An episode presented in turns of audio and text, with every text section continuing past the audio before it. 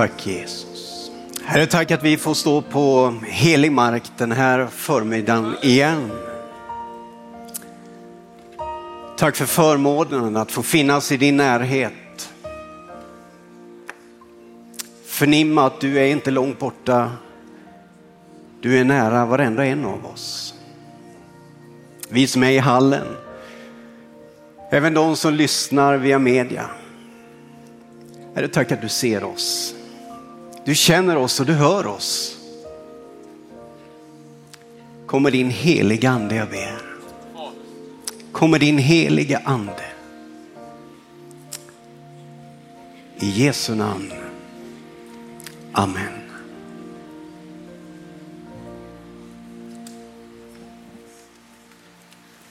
Varsågod och sitt. Tack för eh, välkomnandet Jörgen och för de varma orden och för förmånen att få komma till Nyhem i år igen. Det är ju sannoliken en förmån att komma till den här platsen och jag har ju fått göra det under så många år.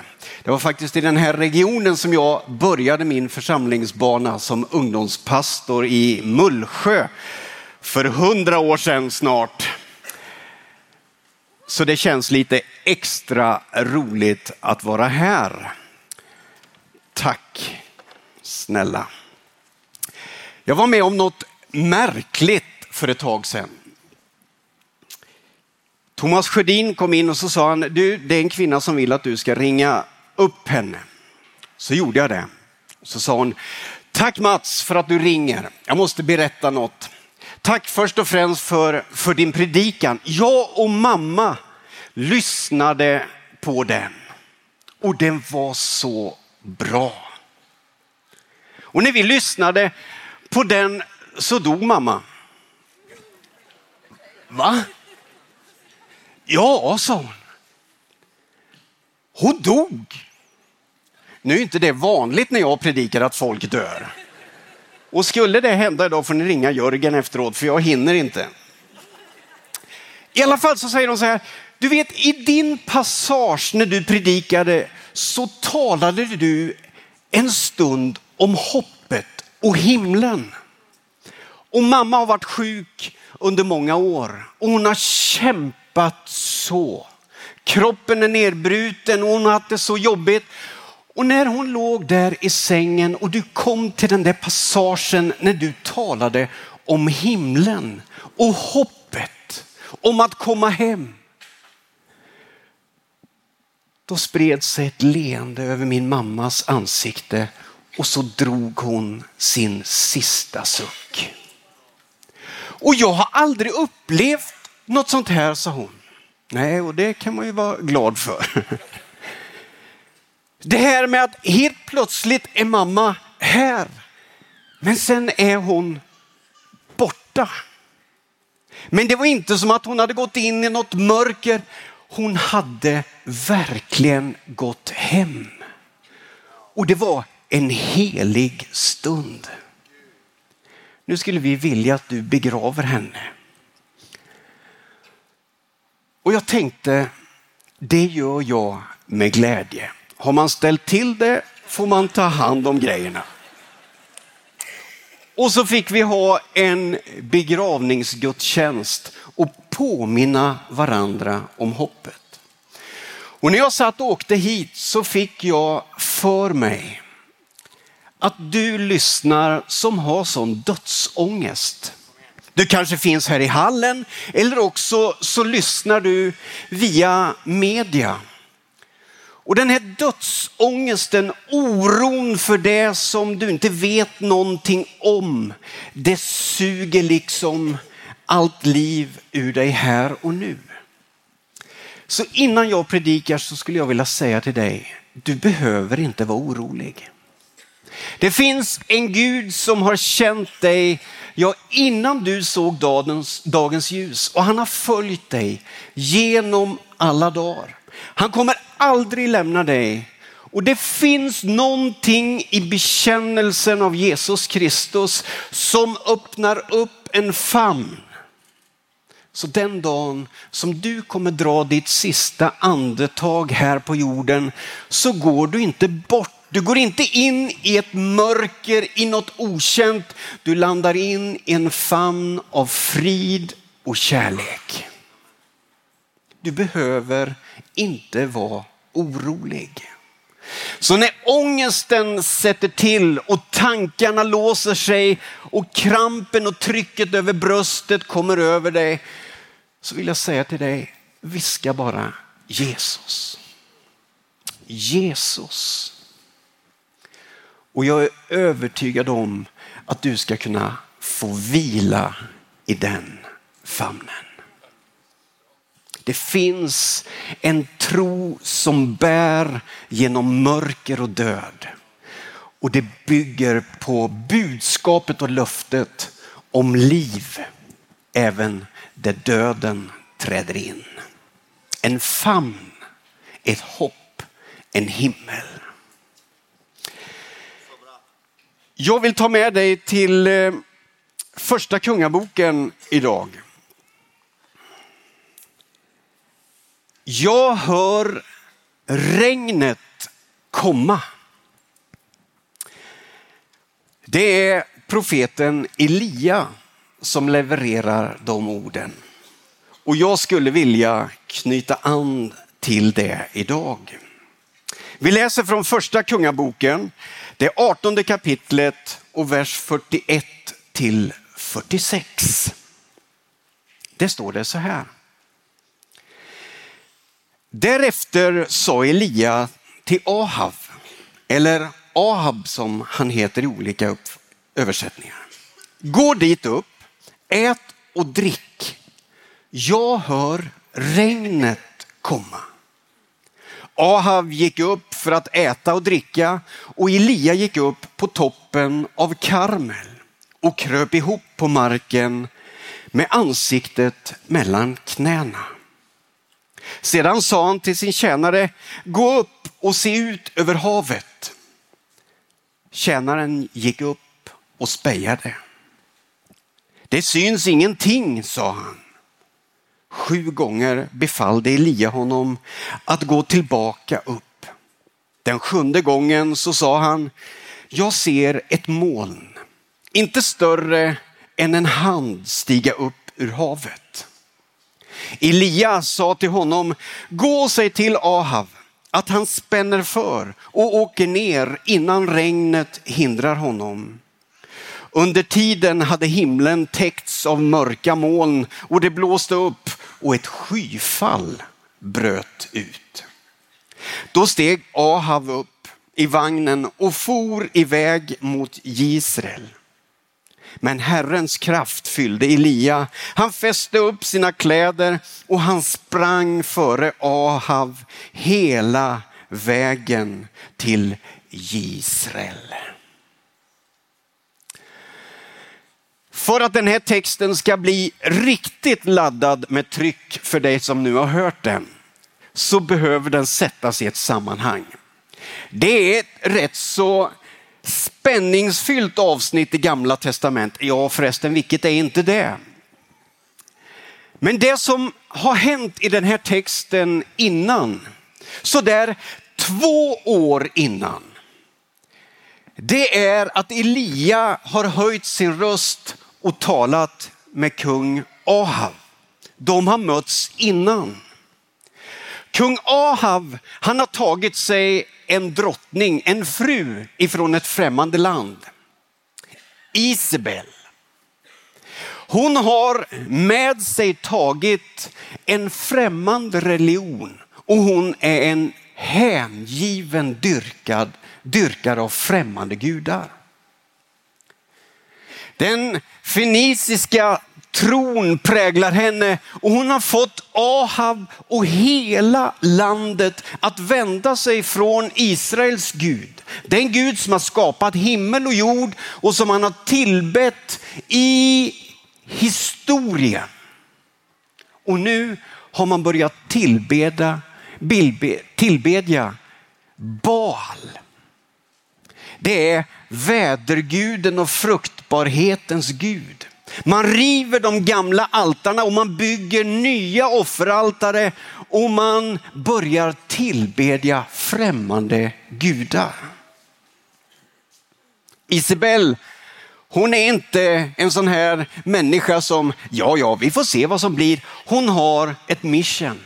Hon vet precis vad hon gör. Hon är hängiven, hon har en agenda. Hela landet ska vända sig från Israels Gud till Baal. Och man ska tillbe dessa främmande gudar. Avgudar. Hon får sin man, kungen, att börja jaga de heliga profeterna och man försöker med alla medel utradera det som är tron på Bibelns Gud. I det sammanhanget så möter Elia Ahav och han säger, vad gör du? Du vet väl att alla dina företrädare, kungar och profeter i alla tider har varit måna om att landets väl vilar i tron på himmelens Gud. När vi håller oss till Gud, offrar till honom och följer hans bud så har Gud i alla tider välsignat vårt folk. Varför vänder du dig nu bort och tillber främmande gudar? Jag säger dig, säger Elia, från och med idag så ska inte en droppe regn komma över vår jord. Ja, inte ens dagg ska falla. Det ska bli snustort. Det är ingen tillfällighet att det är regnet som ska utebli eftersom Baal är väderguden, åskans gud som man ju trodde styrde över naturen. Nu ställer sig Elia upp och så säger han, det kommer bli torrt. Du har vänt dig till fel makt, till fel Gud och du har vänt den riktiga guden ryggen. Du ska få se. Under den här perioden så utbreder sig torkan. Med den så kommer svälten och nöden. Men också trycket på de profeter som finns kvar som bekänner sig till himmelens Gud. Och de jagas. Deras liv tas och förföljelsen tar helt nya proportioner. I det sammanhanget så finns en man som heter Obadja. Han är förtroendefull och satt att förvalta landets räkenskaper och han har ett enormt förtroende hos kung Ahab. Tänk att i den högsta innersta kretsen i det här landet så finns det en troende människa som har vigt sitt liv till att tjäna Gud. Och det visar sig att det är helt avgörande. Jag tänker att i vår tid, där vi lever, så behöver vi ha människor som finns i de yttersta styrorganen på företagsnivå och på regeringsnivå. Vi behöver ha människor som har en varm tro på Jesus Kristus och som hängivet gör allt de kan för att i smått och stort tjäna himmelens Gud.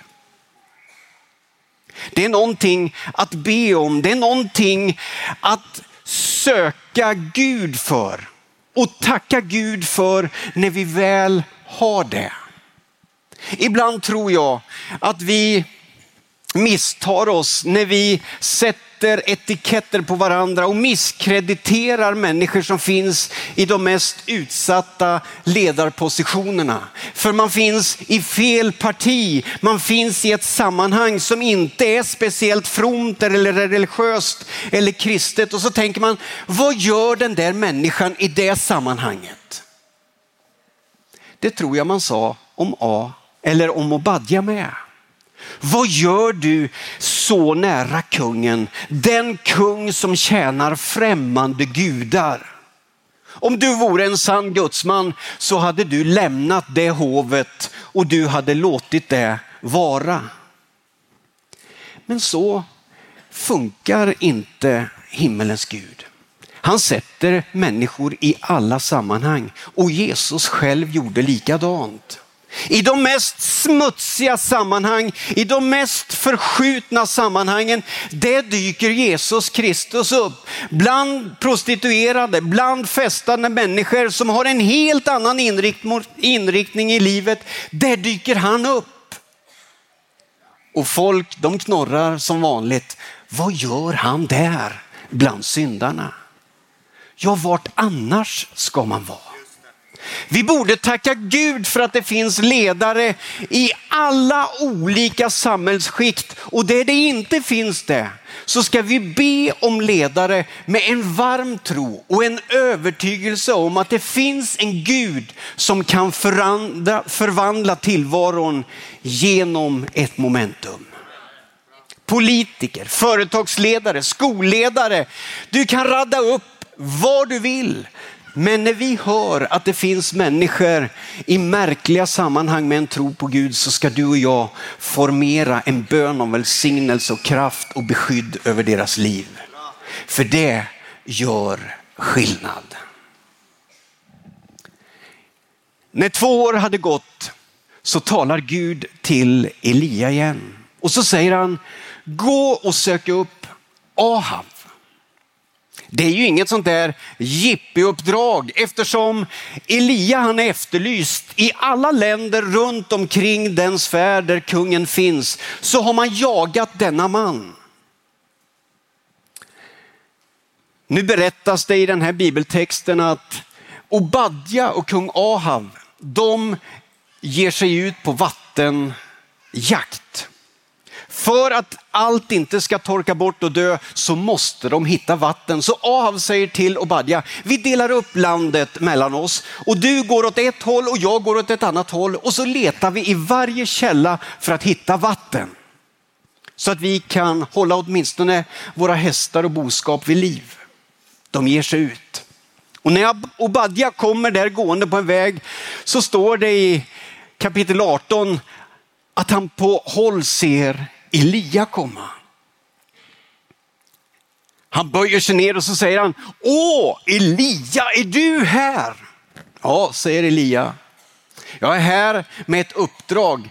Du ska gå till din kung och säga att jag vill träffa honom. Nog må han vara from och rättfärdig, men han är ju inte dum i huvudet, Obadja. Så han blir ju inte direkt exalterad över uppdraget som profeten har. Han säger, vad vill du mig för ont?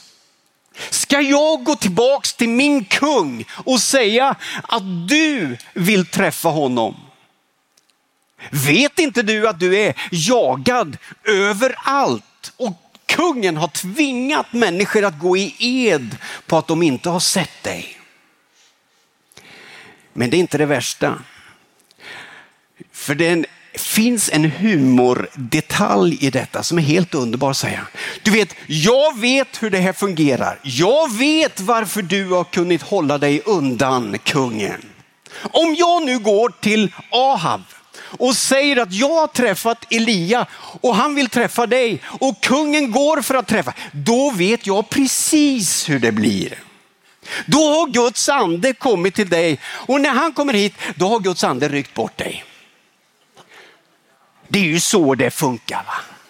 Så länge har jag varit med, så jag vet att Gud är med dig och han hämtar dig när han önskar. Det är omöjligt att hitta en kar som flyttas av anden. Vad vill du mig för ont Elia? Jag vet hur det här funkar. Men Elia säger, nej det är så här, idag ska jag möta din kung. Och Badja går tillbaks till sin kung och så säger han, av en händelse, käre kung, så mötte jag Elia på vägen. Han vill träffa dig. Kung Ahab får bråttom och han går för att möta Elia. Och när han möter honom så säger han, jaså, här är du som drar olycka över landet. Elia var rätt så van vid just den öppningsfrasen. Han hade hört den förr, för som troende så anklagas man för en hel del med jämna mellanrum. En änka hade anklagat honom bara några kapitel innan för att hennes man eller hennes son hade dött. Och han får uppväcka honom från de döda.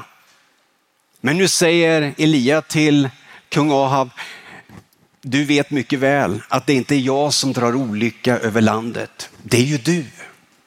Det är du som har valt att gå in på en främmande väg. Det är du som förleder folket.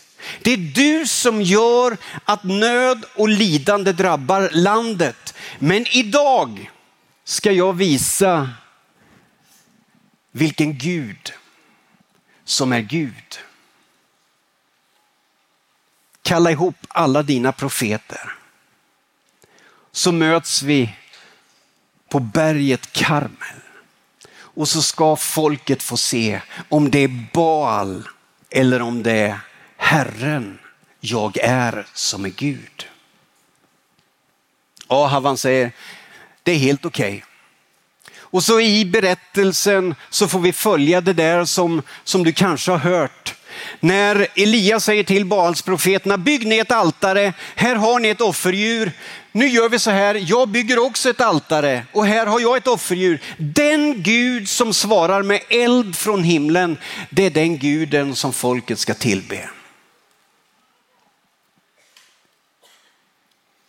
Baalsprofeterna bygger sitt altare och de börjar ropa till Gud. De ropar hela dagen.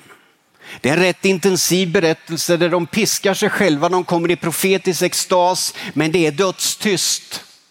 Profeten Elia till och med tar sig friheten att håna dem lite för att Gud inte svarar. Men framåt kvällen när de är färdiga så säger han, nu är det min tur. Och så uppmanar han alla runt omkring att ha fokus på altaret.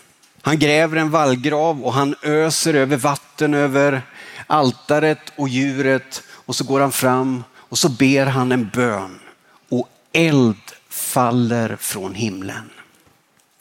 Eldstungor slickar altaret och förtär offret, veden och allt Och i ett nu utbrister kungen och folket. Det finns bara en Gud. Och så tillber man himmelens Gud. Ibland tror jag i sekulära Sverige att den här tron på att ett helt land kan svänga tappas. Vi är så präglade av sekulära tankar och trycket utifrån att vår tro på att Gud skulle kunna vända en hel, ett helt land i ett nu, det är så främmande så att vi orkar inte ens tänka tanken. Vår tro på Gud förminskas så enormt att vi inte ens orkar tro eller tänka tanken på att det skulle vara möjligt. Ändå har historien visat att ett land kan förändras genom en människa, genom två människor, genom en liten ansenlig grupp som har en tro på himmelens Gud och börjar förmera den tron till andra. Ändå är det så att vi i vår tid oftast fångas av ett annat moment. Gud det här går nog inte. I ett enda nu så vänder opinionen från ett håll till ett annat och folket börjar tillbe himmelens Gud. Bibeln säger att alla knän skall böjas för att tillbe Jesus Kristus. Frågan är, när händer det. När folket har vänt sig mot Gud så säger Elia, i texten som vi nyss läste. Nu Ahav, nu kan du sätta dig och äta för jag hör någonting. Jag hör att regnet är på väg. Och det är det egentligen jag skulle vilja förmedla idag till er. Ibland ligger allt fokus på vad vi säger. Men vad än viktigare är vad som döljer sig i våra hjärtan och vad vi hör. I tider av förföljelse och i tider av svårigheter, i tider där man inte frågar efter kristen tro och kristna kyrkor. Vad är det då som bor i våra hjärtan och vad är det du och jag hör? Vad är det som fyller våra tankar och vad är det som bygger tro i våra hjärtan? Vad är det som gör att vi uthärdar den tid som är för att ändå kunna höja blicken och sträva vidare? Med en tro på att Gud har allt under kontroll och i ett enda nu så kan opinionen svänga och människor kan hänge sig till himmelens Gud och bekänna Jesus Kristus som Herre. Jag hör Ahav att det är regn på gång. Gå och sätt dig och ät och gör dig redo. Jag hör att det är en väckelse på väg. Att Gud vill välsigna vårt land en gång till. Men du vet, man har hört det så många gånger och så läser man alla analyser. Kyrkorna avfolkas, trycket ökar, vi lämnar våra gamla trosstatuetter och vi släpper det ena efter det andra. För inte kan väl Gud? Det finns bara en Gud. Det är han som har skapat himmel och jord och han har en plan. Han har gett oss löften och löften som Gud ger, de håller han alltid. Gå upp och sätt dig och ät, för jag hör regnet på ingång, säger Elia. Sen går han upp, för nu har han uttalat någonting som ju sätter honom också i en sits. Han går upp och han ställer sig inte och tittar ut över havet utan han sjunker ihop och så sätter han huvudet mellan knäna. Det är ju en märklig pose egentligen. Och så sitter han där med huvudet mellan knäna. För nu ska liv förmeras. Och när jag läser den här texten så tänker jag, nu är det inte tid för att ha ett splittrat fokus. Nu är det tid för att på riktigt höra vad Gud vill och på riktigt veta vad som gäller. Gud, fyll mitt hjärta med tro. Där sitter han ihopsjunken på berget Karmel och så skickar han sin tjänare upp och så säger han, gå upp på toppen, titta ut över havet och säg till mig vad du ser. För när molnen dyker upp, då måste vi agera. Det där är en känslig tid. Att sitta sitta där med kunskapen och vetskapen men brottas med tvivlet, kommer det att ske? Vad är det som bär då? Ja, det är inte alltid rösterna runt omkring. Det kan vara precis tvärtom. Röster som plockar drömmen och visionen bort ifrån ditt hjärta. Det som Gud har lagt ner, det är det som händer oftast för oss utifrån kommande röster som säger, skulle det verkligen vara möjligt? Jag öppnar tidningen och läser saker som motsäger det som jag upplever i mitt hjärta och tron smulas samman. Ahab sjunker ner, sätter huvudet mellan knäna och han stänger ute allt annat för nu vill han höra Guds egen röst. Är det möjligt Gud? Är det regn på väg? När Katarina och jag blev eh, gravida, ja nu var det ju inte så att jag blev gravid, men Katarina blev gravid. Vårt första barn skulle födas. Det är ju en jobbig period att vänta barn som man. Det är slitsamt. Det, det är underskattat och pratas för lite om. Att kvinnorna har det tufft, det vet vi, men mannen. Du vet från det ögonblicket när man har fått sett den där lilla stickan med strecket på som talar om att det har hänt någonting och man undrar, hur gick det till?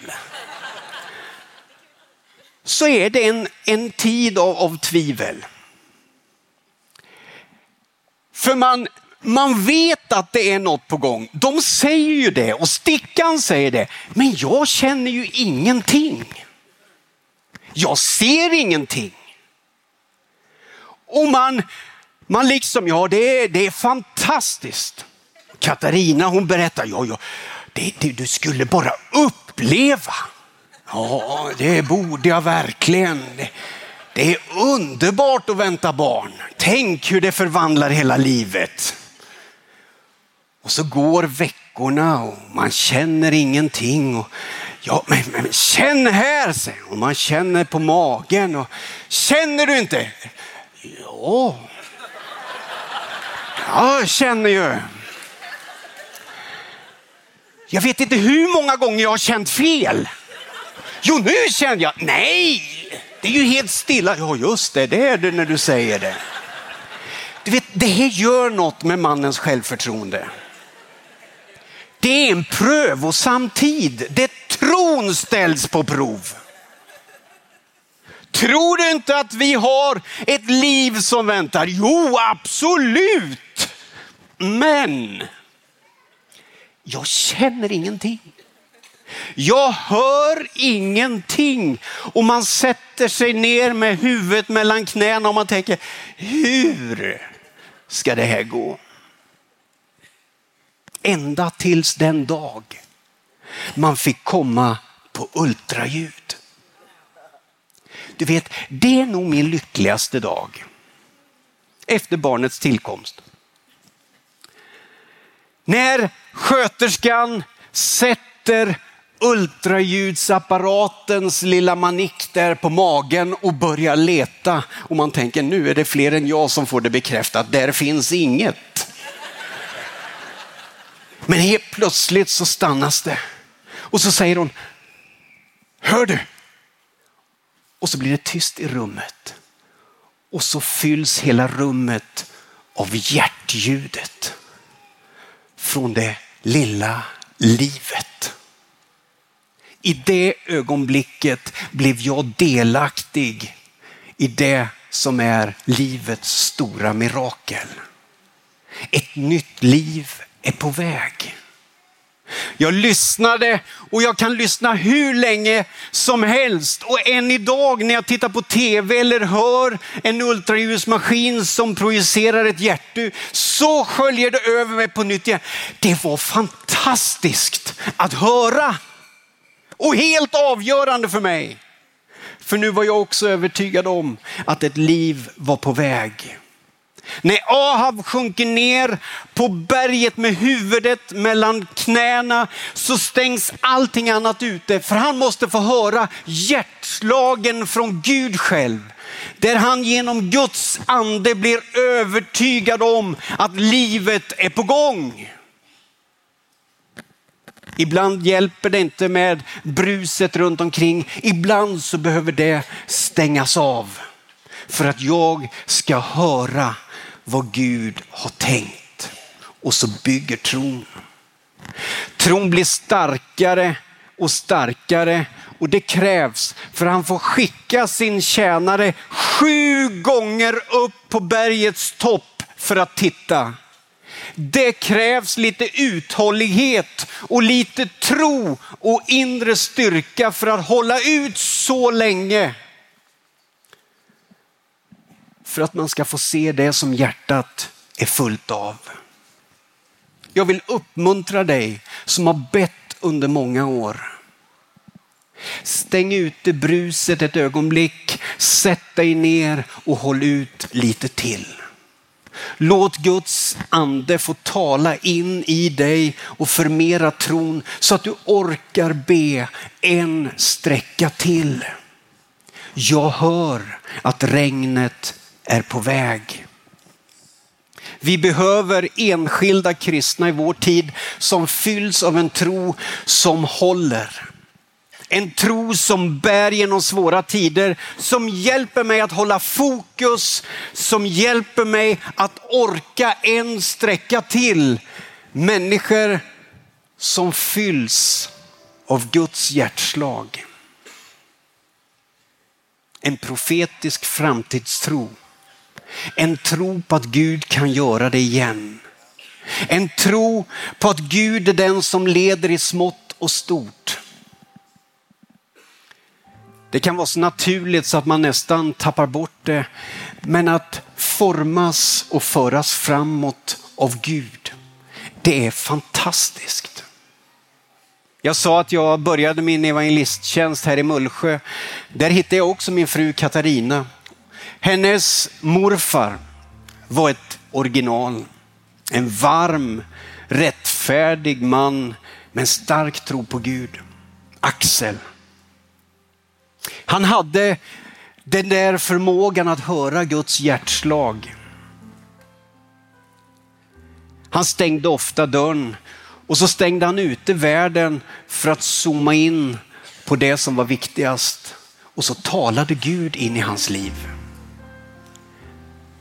Jag var inte så där supergammal, men han präglade mitt liv. Han tände en längtan hos mig. Jag vill ha en sån relation med Gud. Där Gud talar in i vardagssammanhang. Där Gud formar en tro som bär även i svåra situationer.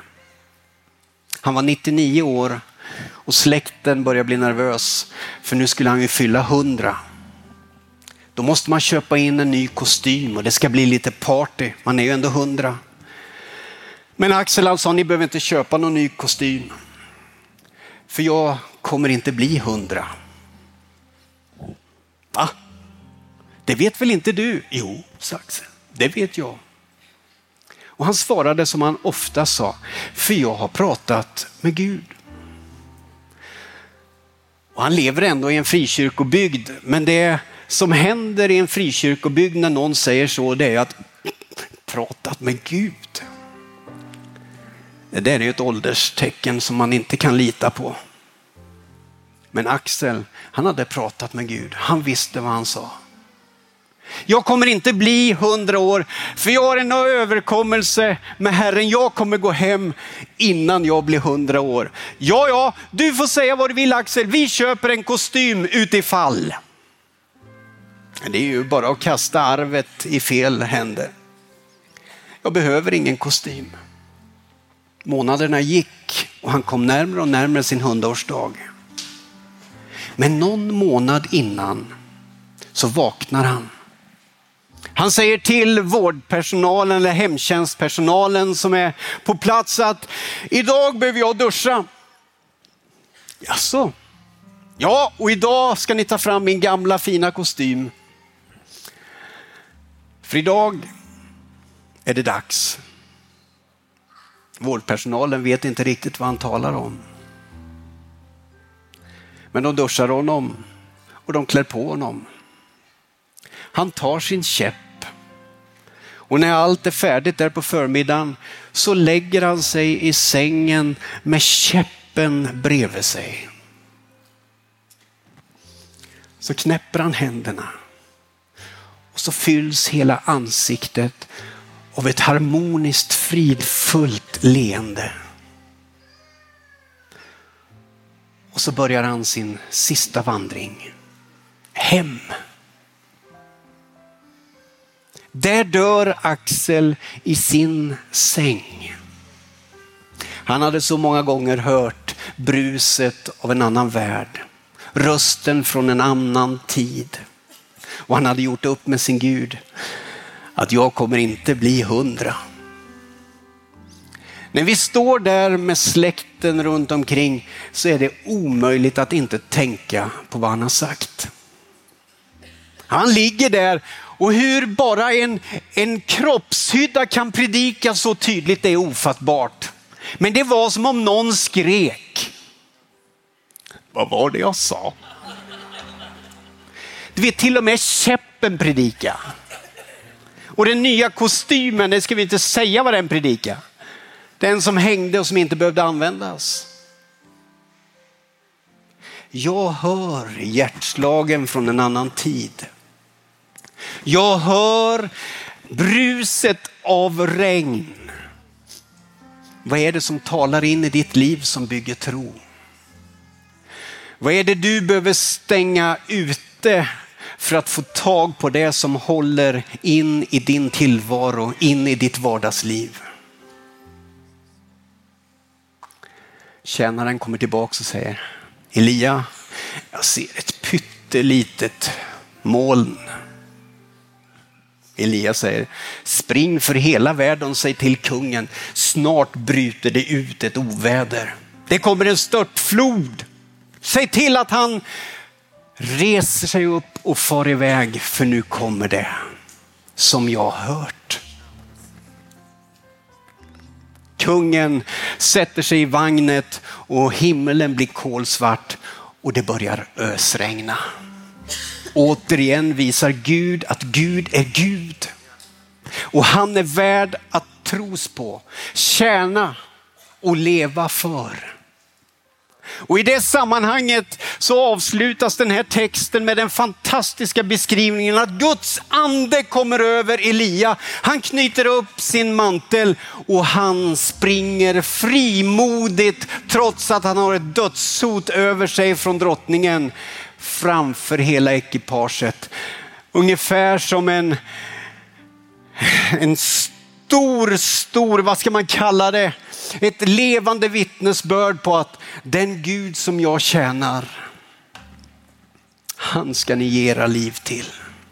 Jag har hört, nu ser ni. Det är vad jag skulle vilja säga till dig idag. Stäng ute bruset. Sök den där personliga stunden då du får höra hjärtslagen som formar en tro som bär. Viska Jesus Kristus och ditt hjärta ska fyllas av frid och ro. För det finns ett perspektiv. Ett fantastiskt perspektiv. En himmel som väntar. Det ger mig inriktning i en tid som denna. Och trots att vi lever i en sekulär tid, i ett Sverige där så många inte visar sig i kyrkorna, så hör jag någonting. Och jag vet att alla knän ska böjas. Du vet, alla knän ska böjas och bekänna att Jesus Kristus är Herre. Så när de säger det kommer aldrig att ske, då sätter jag mig ner en stund varje dag och jag sätter händerna för öronen för nu behöver jag bara höra Guds röst som säger det är sant. Det kommer att ske. För jag håller alltid mina löften. Tack Herre för att vi får vara på helig mark. Tack för att du genom historien har gjort sådana mirakler. Tack att vi kan få läsa om hur du svänger hela länder och nationer i ett enda nu. Och man bekänner dig som Herre och kung. Tack att vi får lämna Nyhemsområdet i år med en förstärkt tro att detta är möjligt. En tro på att du är en Gud som är med i vårt vardagsliv. Som vill att vi varje dag ska kunna få höra hjärtslagen från en levande Gud i våra inre liv. Tack Herre att du hör vår bön. I Jesu namn. Amen.